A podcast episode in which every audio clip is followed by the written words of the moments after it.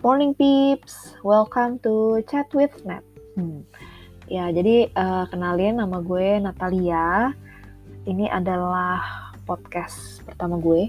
Jadi sebelumnya gue belum pernah nih bikin podcast kayak gini ya. Ini yang benar-benar pertama kalinya gue coba bikin. Jadi mohon maaf kalau masih ada kekurangan, terutama dari kualitas audio nih ya. Karena ya peralatan gue masih apa adanya yang ada di rumah karena gue baru mau coba bikin podcast ya. Mudah-mudahan bisa berlanjut dan berkembang terus. Amin. Nanti gue tumpengan dulu deh ya. Biar uh, podcast ini ya gue mudah-mudahan podcast gue bisa menginspirasi bisa menyentuh celah menyentuh. Uh, ya memberi apa ya insight pencerahan untuk kalian yang mendengarkan. Oke, uh, jadi di podcast pertama ini kenalan dulu. Nanti gue akan cerita sedikit tentang background gue. Kenapa gue juga mau memulai podcast ini. Uh, mudah-mudahan ada sesuatu yang bisa bermanfaat atau bisa lu petik. Oke, jadi uh, ya kenalan dulu ya. Tadi nama gue Natalia, umur gue 30 dan pekerjaan gue adalah sekarang mengajar. Gue adalah guru musik. Nah, okay. uh, eh, jadi kenapa gue mau bikin podcast? Sebenarnya ini uh, udah belum lama ini sih ya, belum lama ini muncul di kepala gue nih. Ini gara-gara pandemi ya. Jadi selama pandemi ini gue banyak mencari uh, hobi-hobi baru gitu. Saking bosennya gue orangnya gampang bosen gue orangnya gampang bosen jadi gue selalu berusaha mencari aktivitas yang baru setiap beberapa hari atau setiap beberapa minggu. Contohnya gue itu seumur hidup gue nggak suka yang namanya menggambar tapi gara-gara pandemi ini gue sekarang jadi ngelukis. Bayangin gue jadi sampai punya art supply. Uh, gue jadi demen apa tuh? Ngelukis cat air tuh. Terus gue jadi demen sepedaan. Padahal gue karena udah lama nggak sepedaan gue takut naik sepeda tapi di pandemi ini gue jadi belajar lagi naik sepeda. Ya jadi uh, podcast ini adalah salah satu yang gue kepikiran gitu. Eh, baru-baru ini ya. Kayak gue pengen coba lagi hal baru apa yang belum gue coba. Dan akhirnya akhirnya gue mulailah dengan uh, podcast pertama gue ini. Dan kebetulan keinginan gue yang terpendam ini ya keinginan gue untuk bikin podcast ini uh, gue makin semangat untuk bikin karena kemarin ada satu teman gue dia punya podcast. Abis ini lu bisa cek di Spotify. Namanya adalah Klub Club. Klubnya itu KLOP klubnya klub klub biasa ya CLUB klub klub lu bisa cek di situ. Nah dia tuh menginspire orang untuk memulai uh, podcast lu sendiri. Jadi uh, apa ya? Ya di situ dia jelasin gitu kayak untuk memulai yang penting lu mulai aja dulu. Lu nggak usah terlalu pusing dengan apa ya nanti pendengar gue berapa atau gue harus omongin topik apa yang mungkin lu udah bayangin yang waduh mau yang dalam-dalam gitu topiknya atau yang tinggi-tinggi. Itu nanti lah yang penting lu berani dulu mencoba berani memulai dulu uh, mengalami dulu ya mengalami dulu podcast tuh apa, cara bikinnya gimana. Nanti kan uh, untuk isi podcast itu nanti bisa berkembang dengan sendirinya seiring uh, seiring lu belajar bikin episode-episode baru. Jadi gue terinspire, terinspire gitu ya uh, dari podcastnya dia yang satu itu. Dan kebetulan dia lagi ngadain giveaway. Nah, dan giveaway-nya itu ya nanti berhadiah ya namanya aja giveaway. Uh, tapi melalui giveaway-nya inilah dia mengajak orang untuk yuk berani kayak bikin podcast gitu akhirnya gue coba deh tapi gue uh, gue jujur ini bukan karena ya kalau menang ya syukur. Tapi tujuan gue bukan untuk menang giveaway itu ya. Gue memang uh, ingin mencoba podcast ini platform ini. Uh, karena gue pada dasarnya gue adalah orang yang seneng sharing.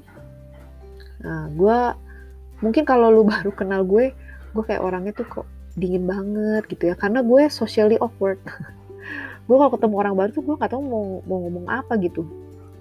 Uh, apa makanya orang suka mungkin suka ngeliat gue judes atau sombong. Aduh maafin gue ya kalau mungkin lu uh, mungkin ada yang pernah ketemu gue dan uh, merasa gue seperti kayak gitu. Tapi sebenarnya sesungguhnya kalau lu udah kenal gue lebih lama atau lebih dalam gue adalah orang yang sangat cerewet coba aja lu tanya bokap gue. Gue kalau di mobil udah udah cerita itu gue bisa nggak berhenti. Ya uh, karena gue gue seneng sharing gue seneng ngobrol. Apa aja gue obrolin deh. Jadi kalau ngobrol tuh gue topik bisa loncat-loncat gitu. Kayak nggak nyambung tapi karena gue pengen ngomong itu gue ngomong aja. Ya jadi uh, karena ya itu tadi gue ngerasa mungkin podcast ini adalah platform yang cocok buat gue karena uh, gue kan socially awkward jadi kalau ngomong di depan orang langsung gue susah. Nah kalau podcast kan uh, secara nggak langsung kita ngobrolnya ya. Nah, tapi boleh kalau mau ngobrol langsung sama gue nanti bisa follow Instagram gue juga nanti kita bisa ngobrol-ngobrol situ. Uh, Instagram gue namanya Natalia Yahya Yahyanya pakai J Jah Jah lama ya. Natalia Jahja 22 nah boleh nanti lu kontak gue di situ. Mungkin mau request uh, topik podcast apa. Gue kan guru musik. Nah mungkin lu mau request sesuatu dari situ boleh banget ya. Karena gue uh, sekarang ini sih gue konsep podcast gue gue memang mau sharing aja. Jadi mungkin a little bit uh, random ya. Jadi mungkin episode pertama ini gue kenalan. Nanti episode kedua mungkin nggak ada hubungannya. Ya nanti let's see lah Oke, jadi itu sedikit kenapa gue ingin memulai podcast ini ya, gue seneng sharing tadi. Uh, lalu kalau untuk latar belakang gue sendiri, jadi gue gue lahir tahun 90, jadi gue anak 90-an. Hello 90s kids out there. ya, jadi uh, dan menurut gue 90 itu tahun yang amat sangat keren lah kita anak 90-an tuh keren lah ya. Karena kayak banyak banget perubahan di zaman itu ya kayak uh, perkembangan teknologi tuh gila-gilaan deh di tahun itu ya. Handphone tuh dari tadinya nggak ada jadi ada. Komputer dari yang tadinya segede ah komputer zaman dulu tuh gede banget ya. Kayak anak 2000-an masih tahu nggak ya? Mungkin masih kali ya. Uh, ya banyak banyak hal yang terjadi lah tahun 90-an itu Krismon tuh ya tahun 98 ya. Jadi uh, eh, gue bangga lah ya. Jadi anak tahun 90-an. Tapi kalau dari segi musik, nah gue kan anak musik nih. Uh, musik karena gue tumbuh di keluarga gue tidak ada yang pemusik. Jadi orang tua gue tidak ada yang pemusik. Adik gue juga bukan. Uh, tapi mereka suka dengan musik tapi seleranya serumah nih beda-beda semua seleranya jadi bokap gue tuh sukanya yang uh, rock and roll yang kayak dari tahun 70-an model-model apa tuh ya di Purple, Guns N' Roses. Nah, jadi kalau uh, bayi-bayi dulu ya bayi-bayi biasanya didengerinnya Mozart ya lagu-lagu klasik. Gue enggak. ya, jadi gue uh, tumbuh kembang dengan lagu-lagu bokap gue itu. Sebentar kalau nyokap gue uh, lebih seneng lagu-lagu uh, lagu-lagu sama lagu-lagu kuno tapi yang kayak pop gitu ya yang, lagu-lagu santai ya lagu ibu-ibu uh, apa lagu pop lah pop kuno-kuno gitu ya. Nah, kalau adik gue adik gue pasti lebih modern lah ya bahkan lebih modern dari gue gitu. Gue sendiri uh, gue sendiri genre yang sebenarnya gue uh, gue kalau suka lagu tuh bukan karena genre tertentunya ya tapi gue kalau seneng sama lagu ya gue seneng aja gitu. Jadi gue nggak spesifik pada satu genre tertentu. Tapi kalau harus pilih uh, mungkin uh, secara umum ya genre yang gue suka adalah choral. Choral music. Jadi musik yang uh, paduan suara. Nah itu ya. Dan musik klasik. Kira-kira di area itu tapi bukan berarti gue nggak nggak demen uh, pop atau apa jazz yang kayak gitu-gitu. Bukan ya. Cuman uh, ya itu tadi gue demen lagu itu karena lagunya bukan karena genre tertentu. Jadi gue sebenarnya gue jujur bingung sih kalau ditanya genre musik favorit itu apa? Ya paling gue jawab begitu ya. Yang paling sering gue dengerin sih lagu paduan suara atau lagu klasik. Tapi bukan berarti uh, eh, gue nggak nggak suka juga dengerin lagu lain gitu. Nah uh, kalau untuk terjun ke dunia musik gimana awalnya gue dulu bisa terjun ke dunia musik? Padahal keluarga gue nggak ada yang musik. Jadi gue sebenarnya udah terlibat di musik tuh dari gue kecil. Itu di gereja dari gue SD terus uh, gue lanjut gue aktif terus di gereja sampai gue SMA awalnya gue ikut paduan suara sampai akhirnya gue belajar organ juga di paduan suara itu belajar main organ. Jadi mungkin uh, apa gue makin serius waktu gue belajar organ itu ya. Uh, cuman waktu gue SMA memutuskan untuk pilih jurusan gue waktu itu udah pilihan gue memang dua. Uh, eh, gue mau masuk ke dokteran atau mau masuk musik. Kenapa kedokteran? Karena gue waktu itu masuk IPA nah, gue anaknya IPA banget. Karena gue nggak suka yang namanya ngafalin. Uh, loh kan tapi di IPA banyak hafalan ya? Iya tapi gue waktu itu uh, ya cara belajar orang kan beda-beda ya. Kalau di IPA itu memang memang ada pasti ada hafalan juga ya kayak nama-nama nama-nama apalah unsur kimia, nama-nama kalau di biologi itu ya anatomi tubuh manusia dan lain-lain. Tapi menurut gua uh, nama-nama itu bisa dihafalin secara logis gitu. Jadi masa lu bisa pahamin. Begitu lu paham, lu nggak perlu hafal lagi kan. Karena lu udah paham gitu. Sedangkan kalau di PS waktu itu gue ngerasa kayak ya kalau ini benar-benar nih lu mesti ngafalin ya. Contohnya kayak kalau belajar sejarah lu harus hafal tahun-tahun misalnya atau hafal nama tempat nama orang nah itu gue yang gue angkat tangan deh ya karena memang kemampuan memori gue ini mungkin kalau kayak laptop atau kayak handphone gitu kayak limited banget gitu memori gue nggak tahu kenapa. Jadi gue memutuskan masuk IPA waktu SMA dan ya waktu lulus uh, pilihan gue itu kedokteran atau musik. Cuman uh, ya mindset gue waktu itu dan gue rasa mindset kebanyakan orang juga ya ini secara umum lu kalau ada dua pilihan gitu lu mau kuliah kedokteran atau kuliah musik pasti mindset orang-orang ya kuliah kedokteran lah. Lebih menjanjikan ya kan? Uh, apa masa depan mungkin lebih jelas gitu ya. Dan waktu itu musik juga gue nggak tahu apa-apa gitu. Gue kalau musik nanti belajarnya apaan, terus lapangan pekerjaannya gimana gitu ya. Bener-bener gue nggak ada pengetahuan sama sekali waktu itu tentang kuliah musik. Jadi akhirnya ya udah, gue ambil, gue ambillah kedokteran. Uh, eh, gue masuk di universitas swasta yang cukup terkenal di Indonesia. Gue nggak akan sebut namanya ya. Uh, dan gue kuliah kedokteran di situ selama tiga tahun tapi di tahun ketiga gue mencapai puncak kesetresan gue karena ternyata jadi waktu itu gue masuk kedokteran gue pikir ya kan mirip-mirip lah ya pasti di kedokteran tuh ada biologi ada kimia. Jadi uh, ya pasti ada hafalan tapi kalau lu bisa paham ya itulah cara berpikir gue waktu itu ya.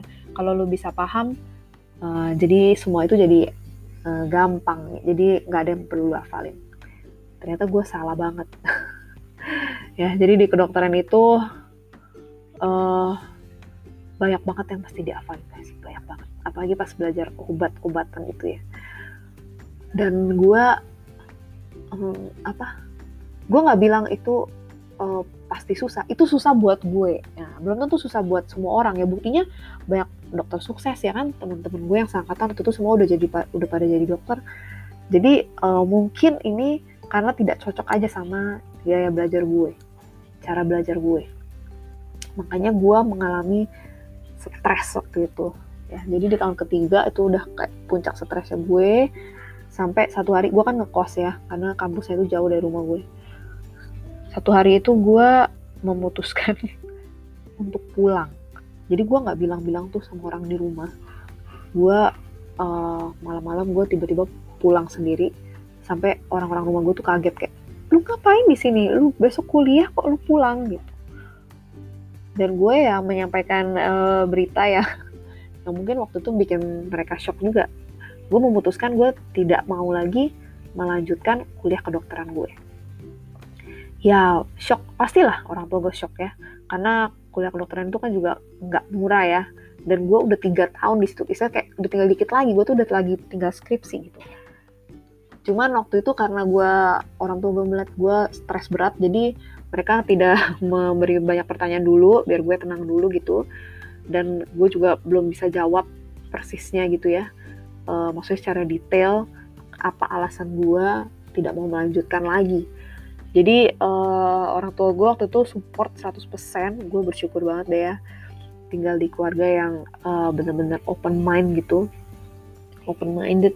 Uh, dan mereka membantu gue dalam proses uh, mental breakdown itu mental breakdown gue.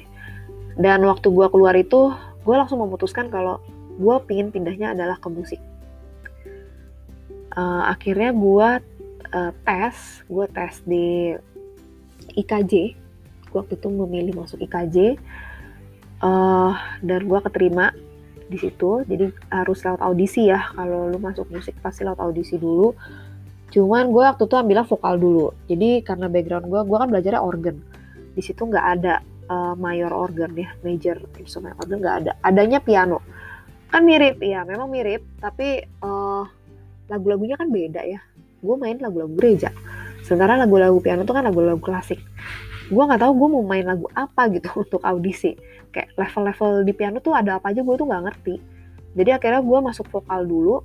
Karena kalau lu ambil uh, mayor instrumen apa pun di situ, setahun pertama lu wajib belajar piano. Nama mata kuliahnya adalah piano wajib. Jadi uh, akhirnya gue ambil ambil vokal dulu, walaupun vokal gue jujur suara gue nggak bagus-bagus amat ya, karena gue anak paduan suara, gue bukan penyanyi solo gitu. Jadi ya biasa aja vokal gue. Uh, cuman itu ada jalan.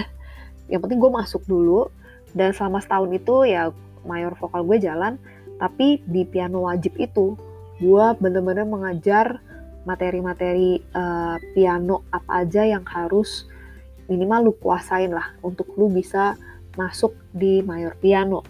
Jadi selama setahun itu gue bener-bener fokus ngebut uh, bahan-bahan piano gue. Akhirnya di tahun kedua gue audisi ulang. Gue audisi ulang supaya gue bisa masuk di mayor piano. Dan gue keterima. Jadi gue tahun kedua itu gue pindah mayor. Ya gue ulang lagi dari mayor satu. Bayangin ya gue udah buang waktu tiga tahun bukan buang waktu lah. Sebenarnya kalau lu belajar apa pun itu pasti sebenarnya tidak nggak ada istilahnya lu tuh buang waktu. Ya karena lu uh, dapet ilmu baru ya lu dapet pengetahuan baru ya. Tapi uh, istilahnya gue udah menyayangkan waktu tiga tahun gitu kan untuk sebelum akhirnya menemukan uh, jalan yang benar ke passion gue yang sesungguhnya. Tapi itu tadi jadi gue udah udah makan waktu tiga tahun di kedokteran terus tambah lagi gue uh, apa tambah setahun lagi di IKJ jadi gue harus ulang lagi mayornya karena gue pindah pindah instrumen. Jadi harusnya kuliah tuh 4 tahun gue di situ baru lulus lima tahun. Karena ya itu tadi mayornya gue ulang dari mayor satu. Tapi uh, apa buat gue ya itu tadi itu bukan buang-buang waktu ya. Jadi uh, selama lu belajar belajar itu belajar itu investasi masa depan juga ya dan nggak bisa dinilai dengan uang gitu. Sih aku jadi dalam gini podcast gue? Ya jadi uh, apa ya semua itu membentuk pengalaman lu ya kan? Membangun pola pikir lu uh, ya itu part of your life journey.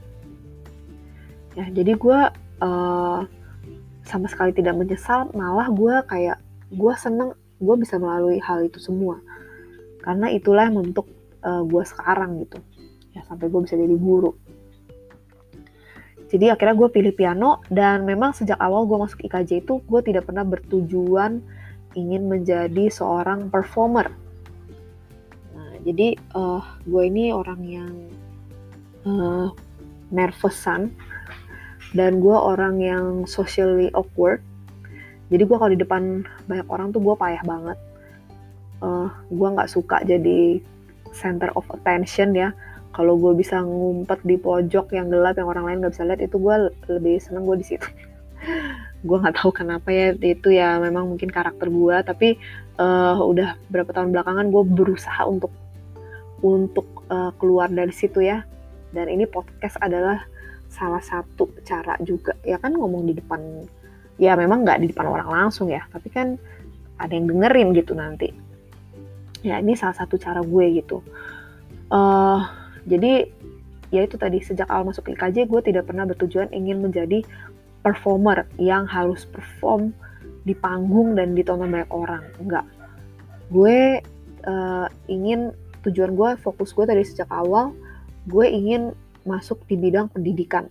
Gue ingin mengajar uh, musik. Gue ingin share ke orang-orang terutama di Indonesia kalau uh, musik itu apa ya dibangun dari kenapa musik tuh indah, kenapa musik tuh enak didengar karena itu dibangun dari teori-teori, dari sejarah latar belakangnya ya. Jadi uh, gue ingin memperkenalkan itu gitu ke orang-orang karena kan kalau di Indonesia ini belajar musik dengan serius tuh kan kurang populer kan.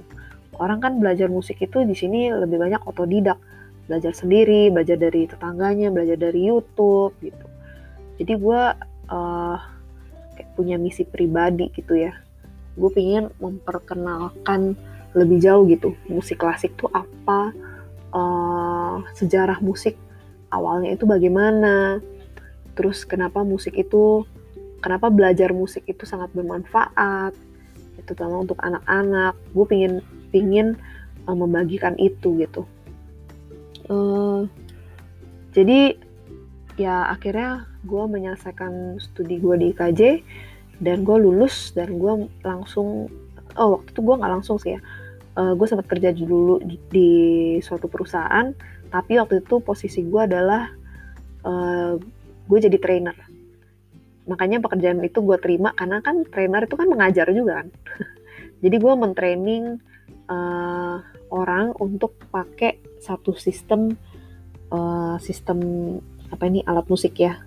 Suatu sistem alat musik yang dipakai untuk mengajar. Jadi gue mentrain kalau ada sekolah musik yang membeli sistem itu gue mentrain cara pakainya. Nah uh, abis itu dari situ baru gue benar-benar terjun gue resign terus gue benar-benar terjun ke dunia pendidikan yang sesungguhnya. Jadi gue masuk ke ngajar di sekolah di tempat les dan sebagainya. Gitu. Nah uh, tadi kan gue bilang ya gue tuh nervous ngomong di depan orang atau gue socially awkward tapi kok gue bisa jadi guru? Padahal guru itu kan ngomong di depan orang. Uh, benar ya jadi awal-awal gue masuk ke dunia kerja dan ngajar itu gue tingkat anxiety gue ya cukup tinggi juga ya. Gue uh, aduh kalau gue masih ngomong di depan banyak orang apalagi kayak training gitu ya. Ngomong di depan orang ngajarin orang. Tapi ya uh, eh, gue memberanikan apa ya memberanikan diri gue gitu. Ya lu kalau mau survive lu harus harus mencoba nggak ada cara lain. Jadi akhirnya uh, eh, gue memberanikan diri dan makin lama ternyata gue makin biasa. Makin lama gue makin biasa uh, dan sampai akhirnya gue di titik yang mungkin kalau sekarang nervous gue kalau untuk ngajar ya nervous gue udah di tahap yang rendah banget gitu. Ya kadang-kadang ada tapi eh, nggak uh, kayak dulu ya nggak parah gitu. Ya jadi intinya uh, kalau lu mau mencoba sesuatu I say ya go for it. Coba dulu karena kalau lu nggak coba lu nggak bakal tahu gitu apa ya respon apa yang lu dapet feedback. Ya kan kalau lu nggak coba gimana lu bisa mendapatkan pengalaman gitu ya jadi oh hidup gue ini memang uh, banyak kenekatan-kenekatan juga yang gue juga kadang-kadang bingung gue bisa dapet dari mana gitu ya. Karena gue orangnya bukan kayak yang adrenalin seeker gitu. Gue orangnya yang slow uh, apa ya maunya on track.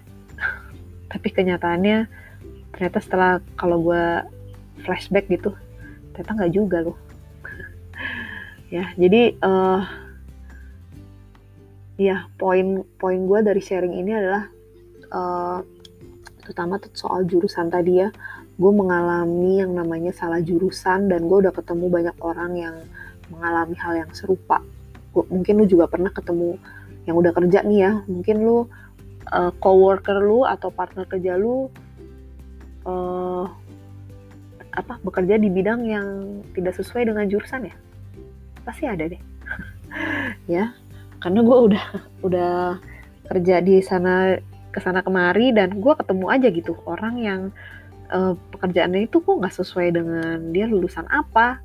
Ya karena itu uh, passion orang ya. Jadi orang ada yang bisa menemukan passionnya itu di awal tapi ada juga yang belakangan. Dan itu bukan berarti terlambat bukan contohnya kayak gue gue uh, passion gue ternyata adalah di musik dan mengajar. Tapi gue masuk ke dokteran dulu. Karena ya gue tidak di lingkungan yang membuat gue aware uh, passion gue sesungguhnya tuh apa gitu. Ya keluarga gue gak ada yang main musik ya kan? Uh, jadi uh, gue senang main musik ya mereka support tapi uh, ya sampai di batas itu ya maksudnya tidak diarahkan atau gimana. Karena mereka juga nggak ngerti mau diarahin ke mana karena nggak ada yang dari background musik gitu. Jadi gue anggap ya waktu itu ya hobi-hobi aja senang-senang aja ya kan. Uh, dan setelah gue melalui penderitaan gue di kedokteran itu baru gue menemukan passion gue yang sesungguhnya. Jadi tiap orang tuh pasti punya jalan hidup atau life journey yang yang beda-beda lah ya. Ada yang sejak SMA dia udah tahu persis nih passion dia apa ya. Tapi ada juga yang mesti kayak gue dulu gitu. Melalui istilahnya kalau lu pergi jalan gitu lu muter-muter dulu. Tapi selama lu muter-muter itu lu mendapatkan pengalaman hidup yang mungkin orang lain uh, belum tentu bisa dapetin ya kan? Uh, jadi uh, mungkin untuk temen-temen nih ya yang masih di SMA kan mungkin lagi cari-cari kampus, cari-cari kuliah, mungkin lu sendiri belum belum ngeh gitu apa ya passion gue, gue masih bingung. Uh, pesan gue lu harus terbuka sama semua opsi opsi yang memungkinkan. Misalnya lu suka akuntansi, tapi lu suka ngedance juga, misalnya. Ya, lu uh, lu bener-bener apa ya uh, cari tahu gitu. Oke, kalau gue masuk akuntansi, apa yang akan gue pelajarin? Dan gue akan kerja apa nanti? Lalu lu, lu cari tahu juga soal dancing, dance. Kalau gue kuliah seni tari, apa yang akan gue pelajarin? Dan gue bisa ke lapangan pekerjaan apa? Jadi lu harus terbuka sama semua opsi, jangan terburu-buru ya. Gue waktu itu terburu-buru. Jadi bahkan gue waktu SMA gue sama sekali nggak cari tahu kuliah musik tuh bisa kuliah di mana, belajar apa. Sama sekali gue nggak cari tahu. Gue kayak cari gampang aja. Udahlah kedokteran aja. Dan ternyata uh, gue salah, gue merasa salah jurusan. Jadi uh, apa ya? Sekarang apalagi dunia udah modern ya. Maksudnya jurusan apa aja sekarang itu sama bagusnya, sama baiknya, dan lapangan pekerjaannya sama luasnya.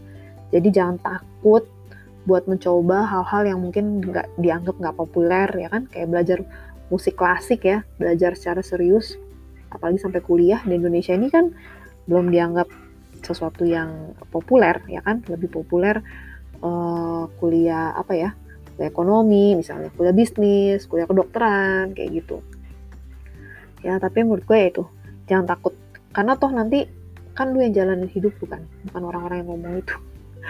Ya jadi uh, terbuka aja sama semua opsi uh, cari passion lu mungkin nggak bisa langsung but it's okay. Jalanin aja nanti se seiring waktu uh, lu akan mendapatkan banyak pengalaman dan apa ya dan ketemu gitu. Kebahagiaan lu sesungguhnya itu ada di di mana. Waduh podcast gue kok jadi dalam gini ya?